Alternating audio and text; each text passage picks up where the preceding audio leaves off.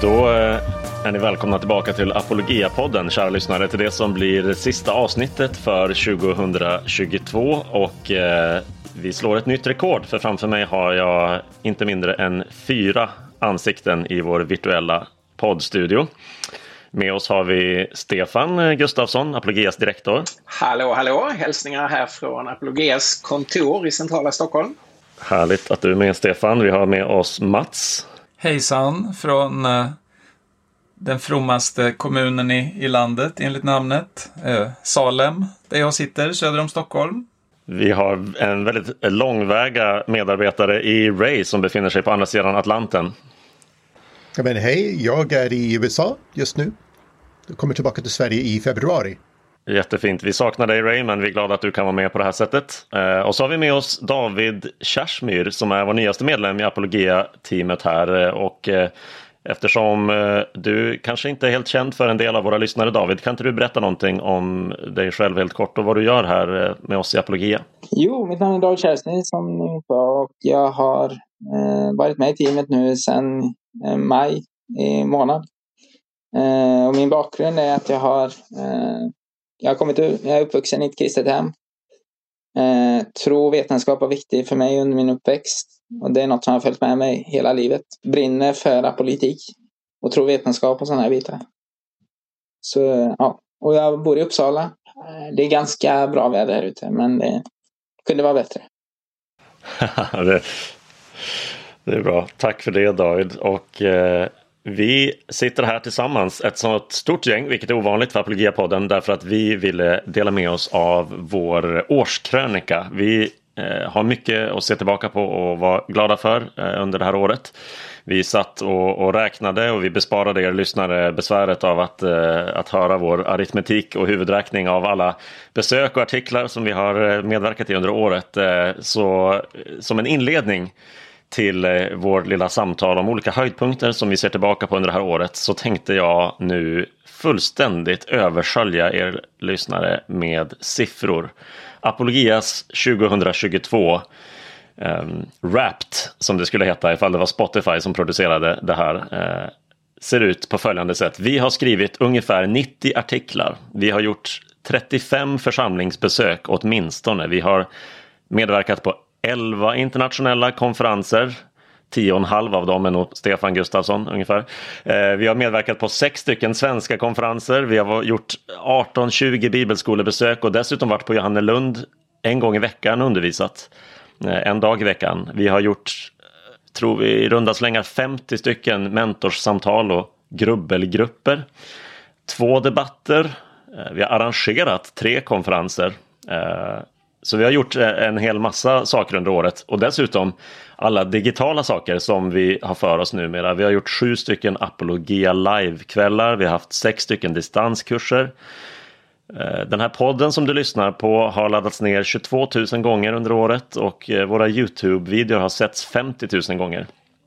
Och någon där ute som fortfarande tittar på tv har kunnat se eh, nio stycken program, eh, eller vi har gjort nio stycken tv-inspelningar som jag tror eh, sen har brutits ner till eh, fler program än så.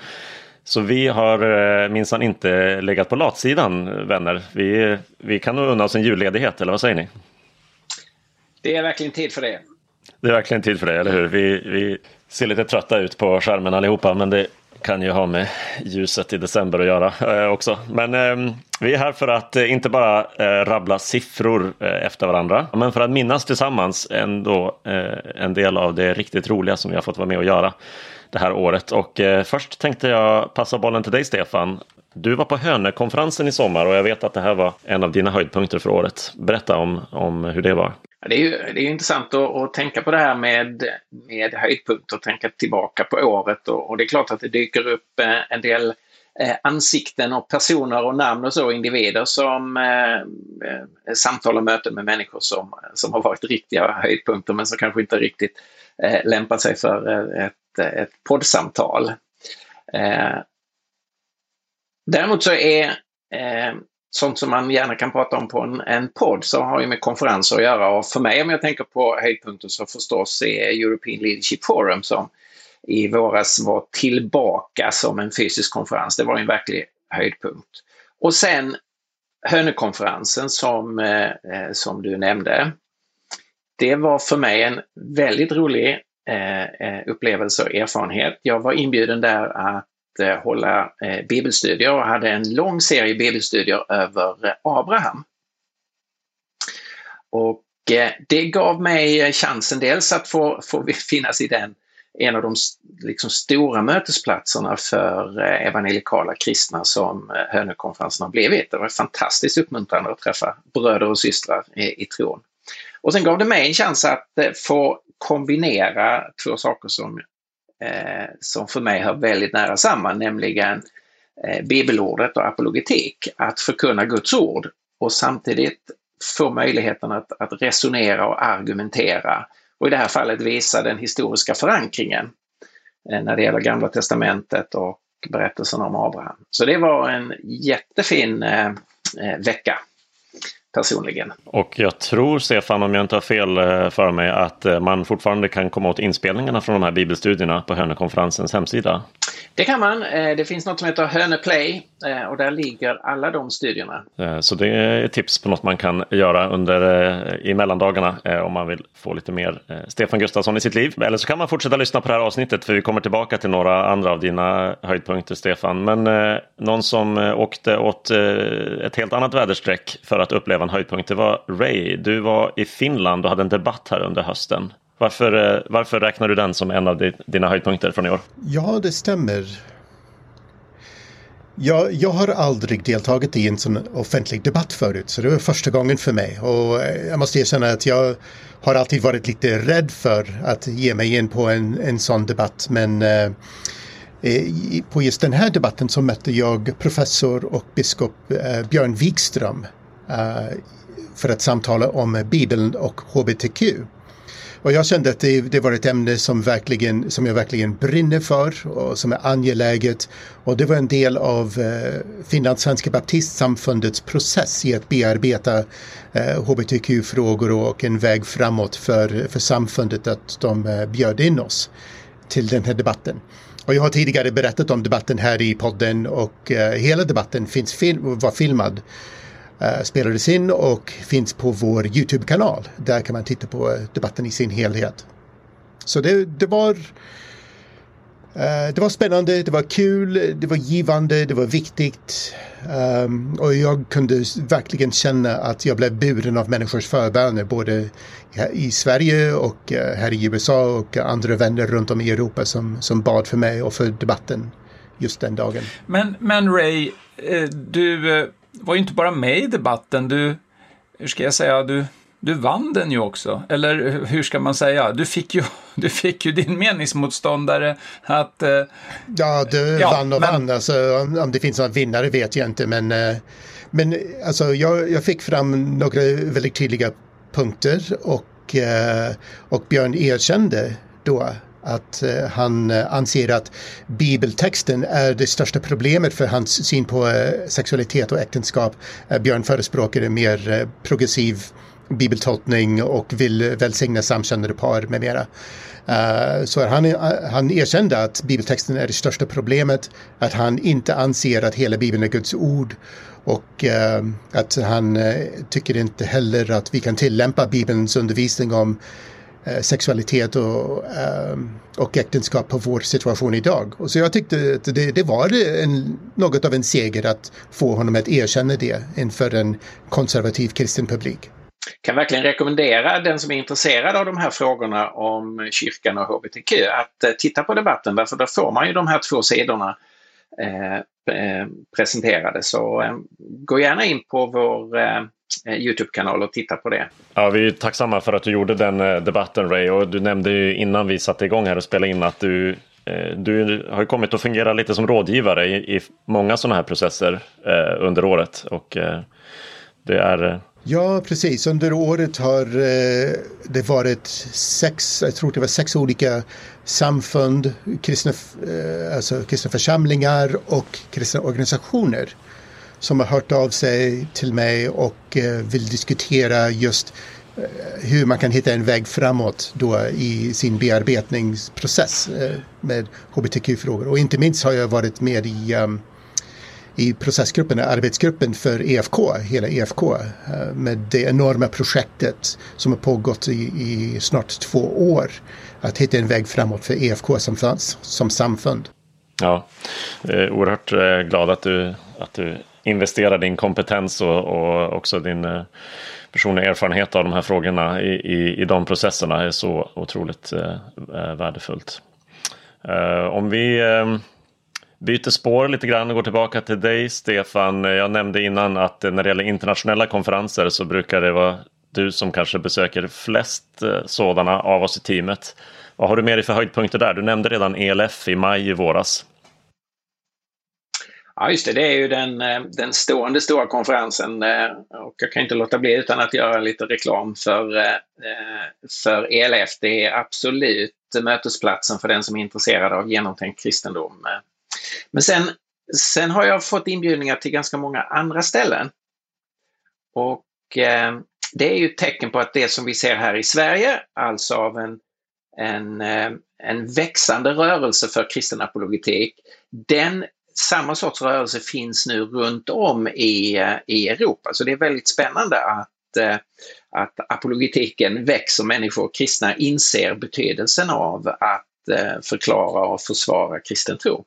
Så jag har varit i Spanien eh, på en apologetikkonferens. Jag har varit i, i Rumänien, i eh, Timisoara. Jag har varit i, eh, i, i London Eh, i en församling som arrangerade en apologetikkonferens. Jag har varit eh, i Norge på den stora Veritas-konferensen som samlar över 400 ungdomar till eh, eh, apologetikkonferens. Och det är väldigt spännande att se det här engagemanget för, eh, för apologetik.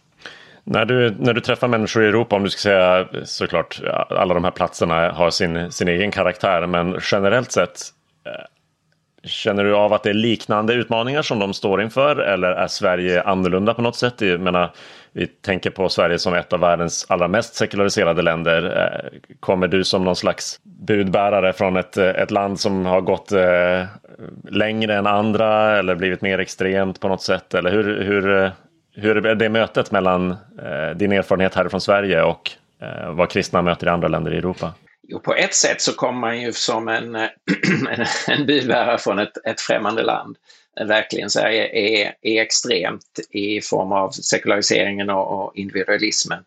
Eh, och det är klart att det är jättestor skillnad i ett, ett land som Spanien med dess katolska historia och katolska närvaro och, ehm, och så. Samtidigt så, eh, så kan man säga att också i länder som, som Spanien eller Rumänien med ehm, där, eh, som, som har en annan historia och där kyrkorna har en, en, en annan situation, så är det så att eh, i universitetsvärlden så är det samma sorts sekulära tänkande som dominerar. För ungdomar som hänger på internet så är det samma sorts sekulära eh, och individualistiska perspektiv som, som dominerar. Så även om det finns skillnader så finns det också stora likheter, inte minst för ungdomsgenerationen. Och det känner man ju av i kyrkorna där. Och därför så eh, efterfrågar man hjälp från oss som har eh, eh tvingats, eh, eh, eller som är sedan längre tillbaka är konfronterade med den här sortens idéer. Så det, det finns både skillnader och, och likheter kan man säga. Men om jag får slänga tillbaka en fråga Martin. Hur, vad tänker du om, om höjdpunkter och, och och, och så eh, för, för ditt apologiaår. Ja, men det var vänligt av dig Stefan att ställa en fråga till mig eh, tillbaka. Eh, jag... Eh, ja, men det finns... vet jag är en vänligt sinnad själ. Jag vet ju det. Jag, jag är på intet sätt förvånad. Eh, men eh, jag har, jag har mycket som jag tycker har varit roligt under året i apologia. Många av de här Apologia Live och distanskurserna och så här. En del av de digitala sakerna vi gör. Eh, där sitter jag och drar i olika spakar eller är värd för olika saker och så. Och eh, väldigt, eh, väldigt kul är det eh, att få, få göra dem. Och eh, innan jag kommer in på det som skulle vara mitt riktiga svar här måste jag säga att en av mina höjdpunkter under året har ju varit de också de internationella gäster vi har kunnat bjuda in till Apologia Live och som vi har fått presentera för, för kristna här i Sverige som fått chansen att lära sig av sådana som Gavin Ortlund och såklart eh, Greg Johnson som jag känner personligen som var väldigt eh, roligt att få bjuda in till Apologia Live och, eh, och så. Så det, det, där tycker jag alltid är lite kul att få spendera lite kvalitetstid med väldigt kunniga personer på varsin sida om en, en, eh, en skärm och sen få eh, presentera och liksom eh, föra vidare deras kunnande till, till alla som är med och ställer frågor och lyssnar och så. Men men eh, allra, den allra mest personliga höjdpunkten är ju såklart att jag har fått bli färdig och fått vara med och släppa den här bibelguiden. En guide till andra Korintierbrevet som, som då inte är utgiven på Apologias eget förlag utan av Bibeln idag. Men eh, jag har arbetat med andra Korintierbrevet i ungefär två år var det som jag fick eh, två år sedan var det jag fick frågan att, att skriva för den serien och väldigt roligt såklart att få vara färdig och få släppa det ifrån mig och nu se den boken komma ut och förhoppningsvis eh, vara till välsignelse för människor som läser den enskilt eller använder den i sina hemgrupper och i församlingar på olika sätt. Ja, det, är väldigt, det är väldigt roligt och det är igen ett sånt här tecken på eller en, ett uttryck för eh, hur, hur nära bibel och apologetik hör, hör ihop. Att, eh, att du har varit med och jobbat med, med det. Ja men det, det är det verkligen och jag Eh, vi vill ju alla att de ska verkligen följas åt, eh, som du sa. Eh, om jag tar tillbaka eh, mikrofonen här och, och passar, eh, får passa nästa fråga vidare så tänker jag att det vore kul att höra från dig David. Jag vet att du var väldigt glad för konferensen Uppdrag Guds rike som vi hade för eh, ganska exakt en månad sedan nu i mitten av november i Stockholm. Berätta lite om konferensen och varför du tycker det var en av årets höjdpunkter. Det var en riktigt kanon, kanonkonferens. Jag skulle säga att det var det bästa eh, bästa konferensen som vi haft så länge Uppdragets rike har varit. Eh, väldigt många intressanta människor. Eh, fick sitta ner och prata med flera av dem. Flera andra apologeter och eh, som både är intresserade av filosofi eller politik eller naturvetenskap. Det fanns ju alla typer av människor där. Eh, väldigt intressant spår jag gick på, eh, naturvetarspåret.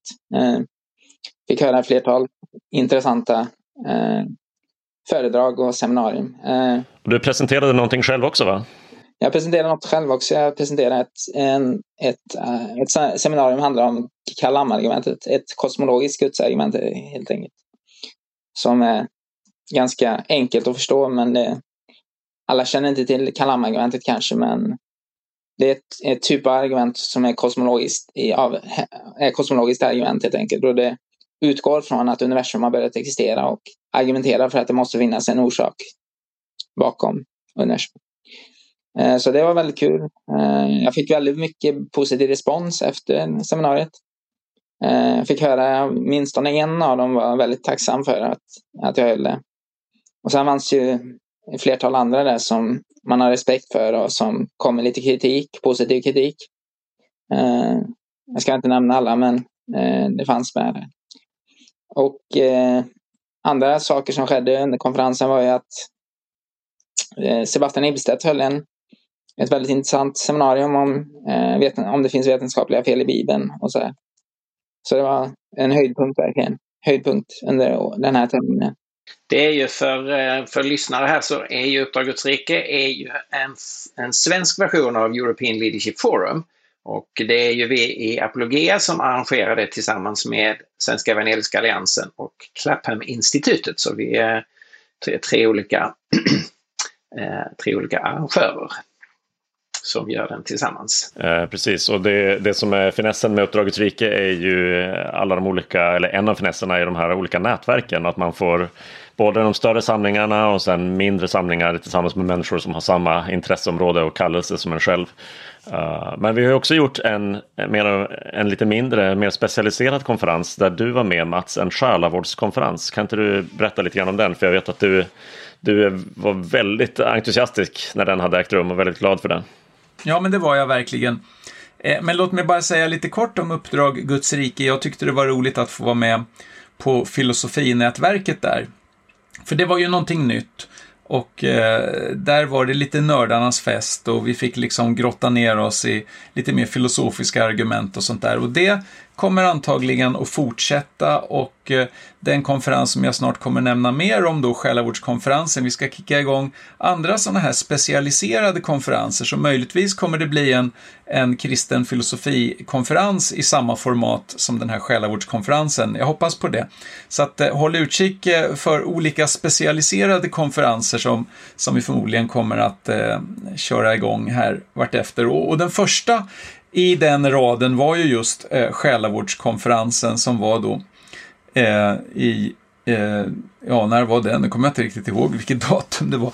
Men, eh, den var i slutet på oktober. Ja, så var det ja. Och eh, det var väldigt bra. Vi var bara en 25-tal människor, men, men alla väldigt intresserade av, av själavård. Och det var en sån där konferens som då inte bara berörde eh, hjärnan där man lär sig saker, utan det var liksom som ett det kanske inte låter så bra, men som ett slag i magen. som om magen var nästan urvriden. Det blev mycket känslor eh, på ett bra sätt. Eh, en, en kvinna som heter Lotta berättade om om sitt liv, om, om trauman hon upplevt, övergrepp med våld eh, och religiösa övergrepp eh, faktiskt. Det var det som var lite, lite extra jobbigt. Så att vi, vi liksom slogs av, av eh, den, brutal, den, den brutala delen av, av verkligheten eh, och sen hade då eh, pan, en liksom, samtalspanel efter det och och sen eh, seminarier om sexuella övergrepp, om skuld och skamcirkeln. Och det här var ett samarbete då med, med KRIS, Kristna Själavårdsinstitutet, med John Brenneman i spetsen och även Johanne Lund med Lars-Göran Sundberg.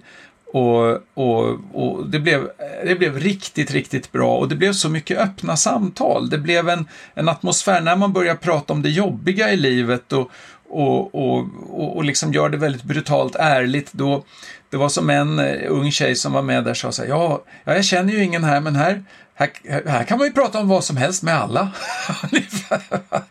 så det blev en väldigt, väldigt fin stämning och eh, ett, ett fint allvar också kring, kring alla de här frågorna. Så att ehm, det, det känns som en kanonstart på en årligt återkommande eh, konferens för just själavård. Och jag hade ett litet inledande föredrag på fredagskvällen om just apologetik och själavård och att det här hänger ihop.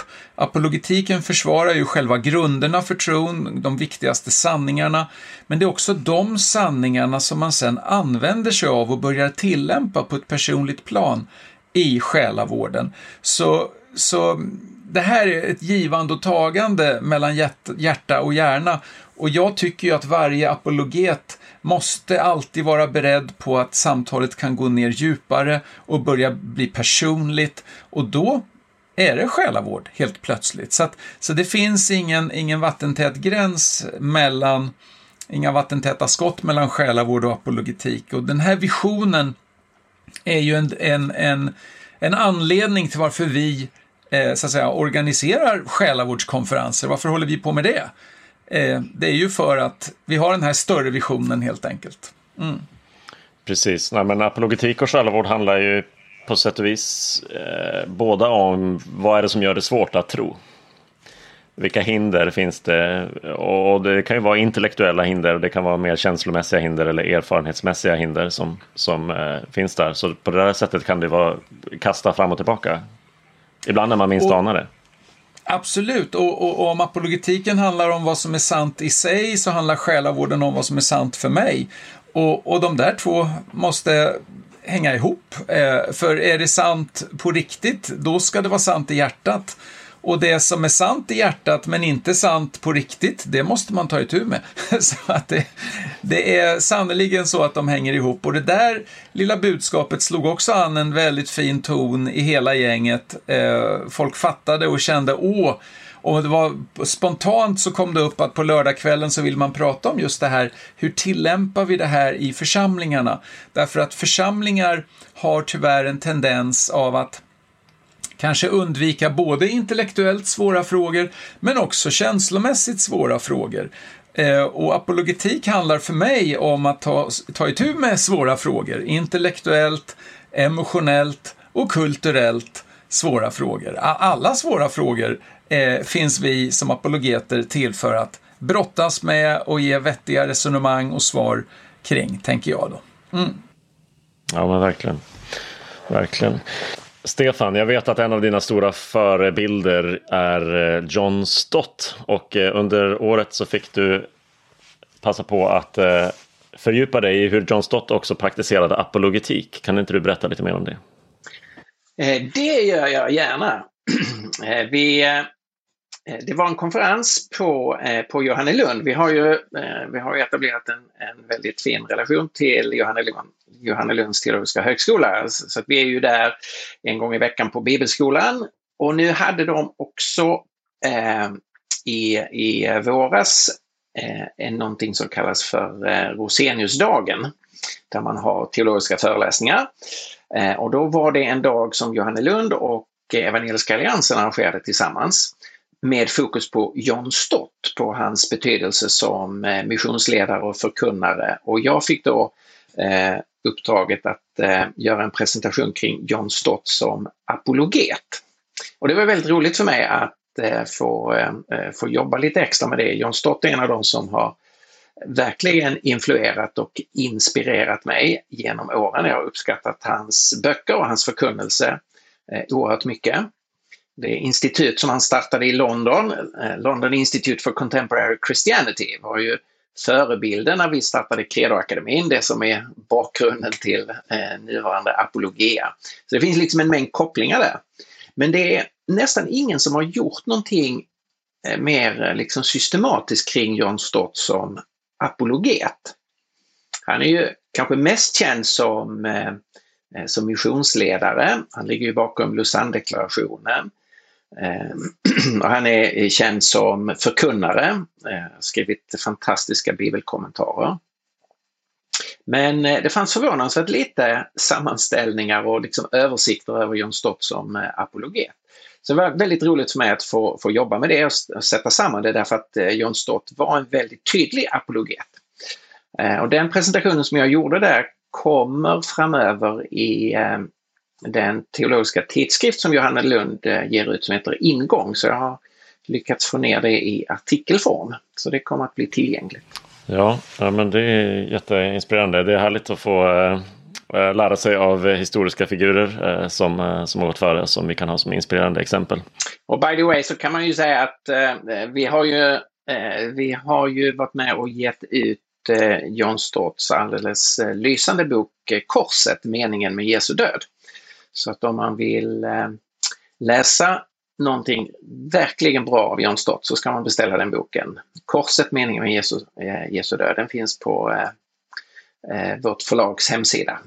När vi skulle spela in den här årskrönikan så fanns det en höjdpunkt som vi alla visste att vi alla skulle nämna som ett, något av det allra roligaste vi fått göra i Apologia i år. Och eh, jag ska inte säga att det utbröt något slagsmål, för det går ju inte riktigt när vi sitter på varsitt håll. Eh, men eh, vi funderade på vem ska få förmånen att berätta om vårt roliga minne från i maj och eh, vi kom till slut överens om att Ray får i alla fall börja. Vad var det som hände i maj, Ray, som vi alla är så glada och tacksamma för? Ja, precis. Eh, så våra lyssnare vet väl att Apologia är en ideell eh, förening, ideell organisation och eh, som ideell organisation är vi beroende av människors frivilliga gåvor, ekonomiskt understöd till vårt arbete. Och vi ville visa vår tacksamhet till våra månadsgivare på något sätt i år så att genom en eh, generös gåva så kunde vi bjuda in våra månadsgivare till en helgkonferens i Dalsland på eh, Daxholm, en liten konferensanläggning där. Och det var så roligt att möta människor från hela Sverige som, som står med oss i, i vårt arbete, som ber för oss, som, som stöttar oss ekonomiskt. Och kunna sätta oss ner och ta fika och äta tillsammans med dem och diskutera olika saker och eh, spana på vägar framåt för, för vårt arbete samtidigt som vi också delade eh, olika seminarier och eh, föreläsningar och en, eh, en liten gudstjänst tillsammans. Så det var ungefär 90 personer där och då var det smockfullt på anläggningen eh, som vi hade där. Vi behövde verkligen tränga oss där. Men, men det var så roligt för att det skapade en så stark och bra stämning. Att se att det är så många människor som, ja, det var uppmuntrande för oss i teamet. Att se att det är så många människor som tror på det som vi gör och som anser att det som vi gör är, är avgörande för svensk kristenhet. Eh, så det var otroligt uppmuntrande för oss. Uh, ja, men det, det, det, var det verkligen och det var ju, var ju så intressant för att vi eh, det kom ju människor då från olika delar av landet med olika bakgrund. Man finns i olika församlingar, olika samfund, olika sammanhang. och man, många där hade ju liksom ingen annan koppling till varandra än att man hade upptäckt apologetiken och tycker det är det som eh, Gud har kallat oss i apologi att göra, att man tycker det är väldigt, väldigt viktigt. Eh, och vi, eh, när man bjuder in så en massa människor som inte sedan tidigare känner varandra eller har någon koppling så undrar man hur, hur, hur ska det här funka? Och det härliga var ju att det funkade så fantastiskt bra. Jag tror att alla som var med där eh, minns den där liksom känslan, stämningen som infann sig väldigt omedelbart. Eh, så det, det var verkligen en, eh, det var verkligen en, en höjdpunkt. Och jag som är liksom lite extremt social i min person, jag var ju hög den där helgen. Jag hade ju så många att prata med så jag visste inte var jag skulle ta vägen. Eh, eller rättare sagt, jag, jag ville ju inte ta vägen någonstans utan jag var som fisken i vattnet och pratade med alla möjliga hela tiden. Nej, det var jätte, jätteroligt faktiskt. Eh, och det kändes, eh, jag tycker ett ord, eh, apologia-familjen var det ju, eller klanen kanske, ett 90-tal personer som, ja, att få träffa liksom bara vänner, även om man egentligen inte känner varandra då, så, så känner man igen varandra som vänner i alla fall. Det var fantastiskt roligt helt enkelt. Så att, mer av det hoppas vi på. Ja, jättekul. Ja, det var, en, det var en härlig helg. Vi ser fram emot när vi någon gång i framtiden får göra något, något liknande. Eh, för att eh, tacka alla er som verkligen eh, står med oss i Apologias arbete. Det gäller inte bara de 90 som var på den här eh, helgen. Alltså bakom alla de här siffrorna jag räknade upp i början. Alla församlingsbesök och konferenser och nedladdningar och lyssningar och visningar på videor och distanskurser. Eh, det är ju någonting vi gör tillsammans och de här siffrorna speglar ju inte i första hand hur, hur duktiga vi är utan kanske i första hand vilka behov det finns och, eh, av, av apologetik, av att få gräva gräva djupare i den kristna tron och att få fördjupa sig i, i grunderna för den eh, så att, eh, så att vi kan både eh, bära den och äga den med övertygelse men också dela den i, i ett land runt omkring oss där där den framstår för många som allt mer märklig. Så det är ju väldigt det är så härligt när vi, när vi märker och ser att här finns det människor som, som eh, gör samma bedömning som oss och som sluter upp och eh, står med oss. Att vi får kämpa för det här tillsammans. Ja, det, är helt, eh, det är helt avgörande för oss i, i Apologia att eh, det finns människor som, eh, eh som stödjer oss eh, genom att eh, be förstås, därför att det finns en, en väldigt stark andlig dimension här, att det är Gud som måste öppna dörrar och, och utföra sitt verk genom oss. Men också människor som är med och ger eh, och stöttar oss ekonomiskt. Och det var ju, helgen på Dagsholm var ju ett uttryck för tacksamhet över de som, som stödjer oss. Och vi, det är ju så med, med eh, arbete som bygger på gåvor att det behöver ju vara ett kontinuerligt givande. Eh, och vi står ju med, med behov. Vi står med behov nu inför, inför det här årsbokslutet så att vi vill ju gärna uppmuntra er som tycker att eh, det är viktigt det som vi gör i Apologia och som tycker apologetiken är, är ett behov för svensk kristenhet att vara med och eh, eh hjälpa oss att gå i mål det här året. Eh, vi ligger lite efter på, eh, på gåvosidan så vi skulle behöva hämta in det här under december. Så var väldigt gärna med att eh, ge en julgåva, stötta oss i Apologia ekonomiskt. Verkligen, och eh, du behöver inte göra eh, så mycket mer än att scrolla ner till eh, avsnittets eh, eh beskrivning eh, på din telefon eller eh, vart du nu lyssnar så hittar du Swish-nummer och även länk till eh, vår hemsida där du kan gå in och registrera dig om du vill vara med som en regelbunden givare. För det är naturligtvis extra värdefullt att ha sådana som kontinuerligt bär oss. Så, så tack för det. Och Ja, jag vet inte kollegor. Jag tänker inte fråga er om nyårslöften, men eh, har ni några särskilda förhoppningar inför eh, 2023? Någonting ni drömmer om eller längtar efter att göra? Jag ser fram emot eh, konferensen i Korskyrkan Uppsala.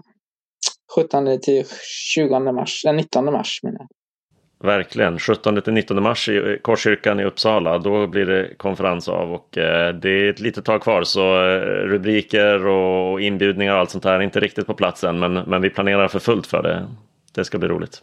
Väldigt spännande. Det är Apologia tillsammans med eh, Svenska Apologetiksällskapet och Korskyrkan i Uppsala som arrangerar vårens eh, apologetikkonferens. Mm. Ray, du ser ut som att du ville något. Du ser förstås fram emot att komma hem till Sverige.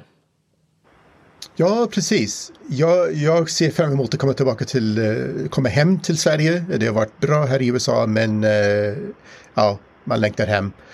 Eh, men under tiden jag har varit här i USA har jag hållit på med att skriva en ny bok som jag hoppas kommer att släppas under det kommande året. Så det är alltid spännande att se att en bok föds fram och eh, vilken respons den får med mera.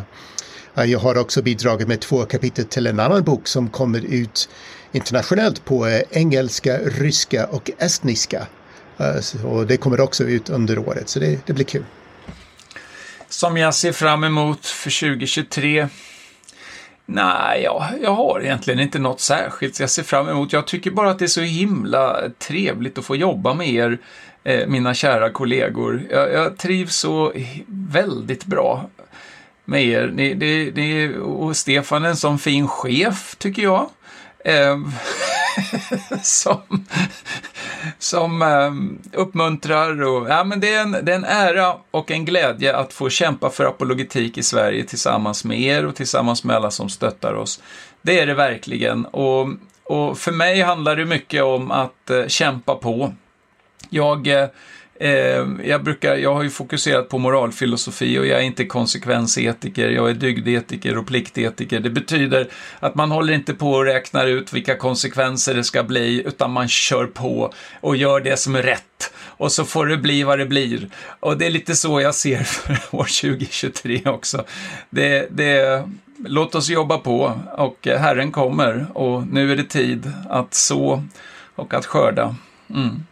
Amen. Det är jättehärligt att få vara en del av det här teamet och eh, det är också eh, det som gör att vi, eh, jag menar, vi har ju väldigt roligt ihop. Men sen är det också det som, det som driver oss, det är ju visionen och det är sen mötet med, med alla människor runt om i, i Sverige och, och internationellt. Att få möta, eh, få möta er som lyssnar på det här, eh, att få möta människor i församlingar eh, och eh, få vara med och bygga upp eh, eh, bygga upp eh, eh, tro och eh, eh förvissning och eh, liksom vision framåt. Det, det, finns alldeles för många kristna som har tappat sugen, som har liksom tappat tappat geisten därför att det är så, det är så mycket i det sekulära sekulära västlandet som vill ta bort frimodigheten och glädjen det finns alldeles för många tappade sugar och då är det väldigt härligt att få vara med eh, och eh, liksom lyfta upp människor genom att visa på sanningen eh, i evangeliet. Verkligen. Så med det så får vi säga till er som har varit med oss under året på olika sätt och som nu lyssnar på detta ett stort och varmt tack för 2022 och från alla oss här i Apologia ett riktigt gott nytt år. Nytt år. Mm, gott nytt år. Gott nytt år från Uppsala. Ja, men gott nytt år från eh, Stockholm. Vi ses 2023. Yes box.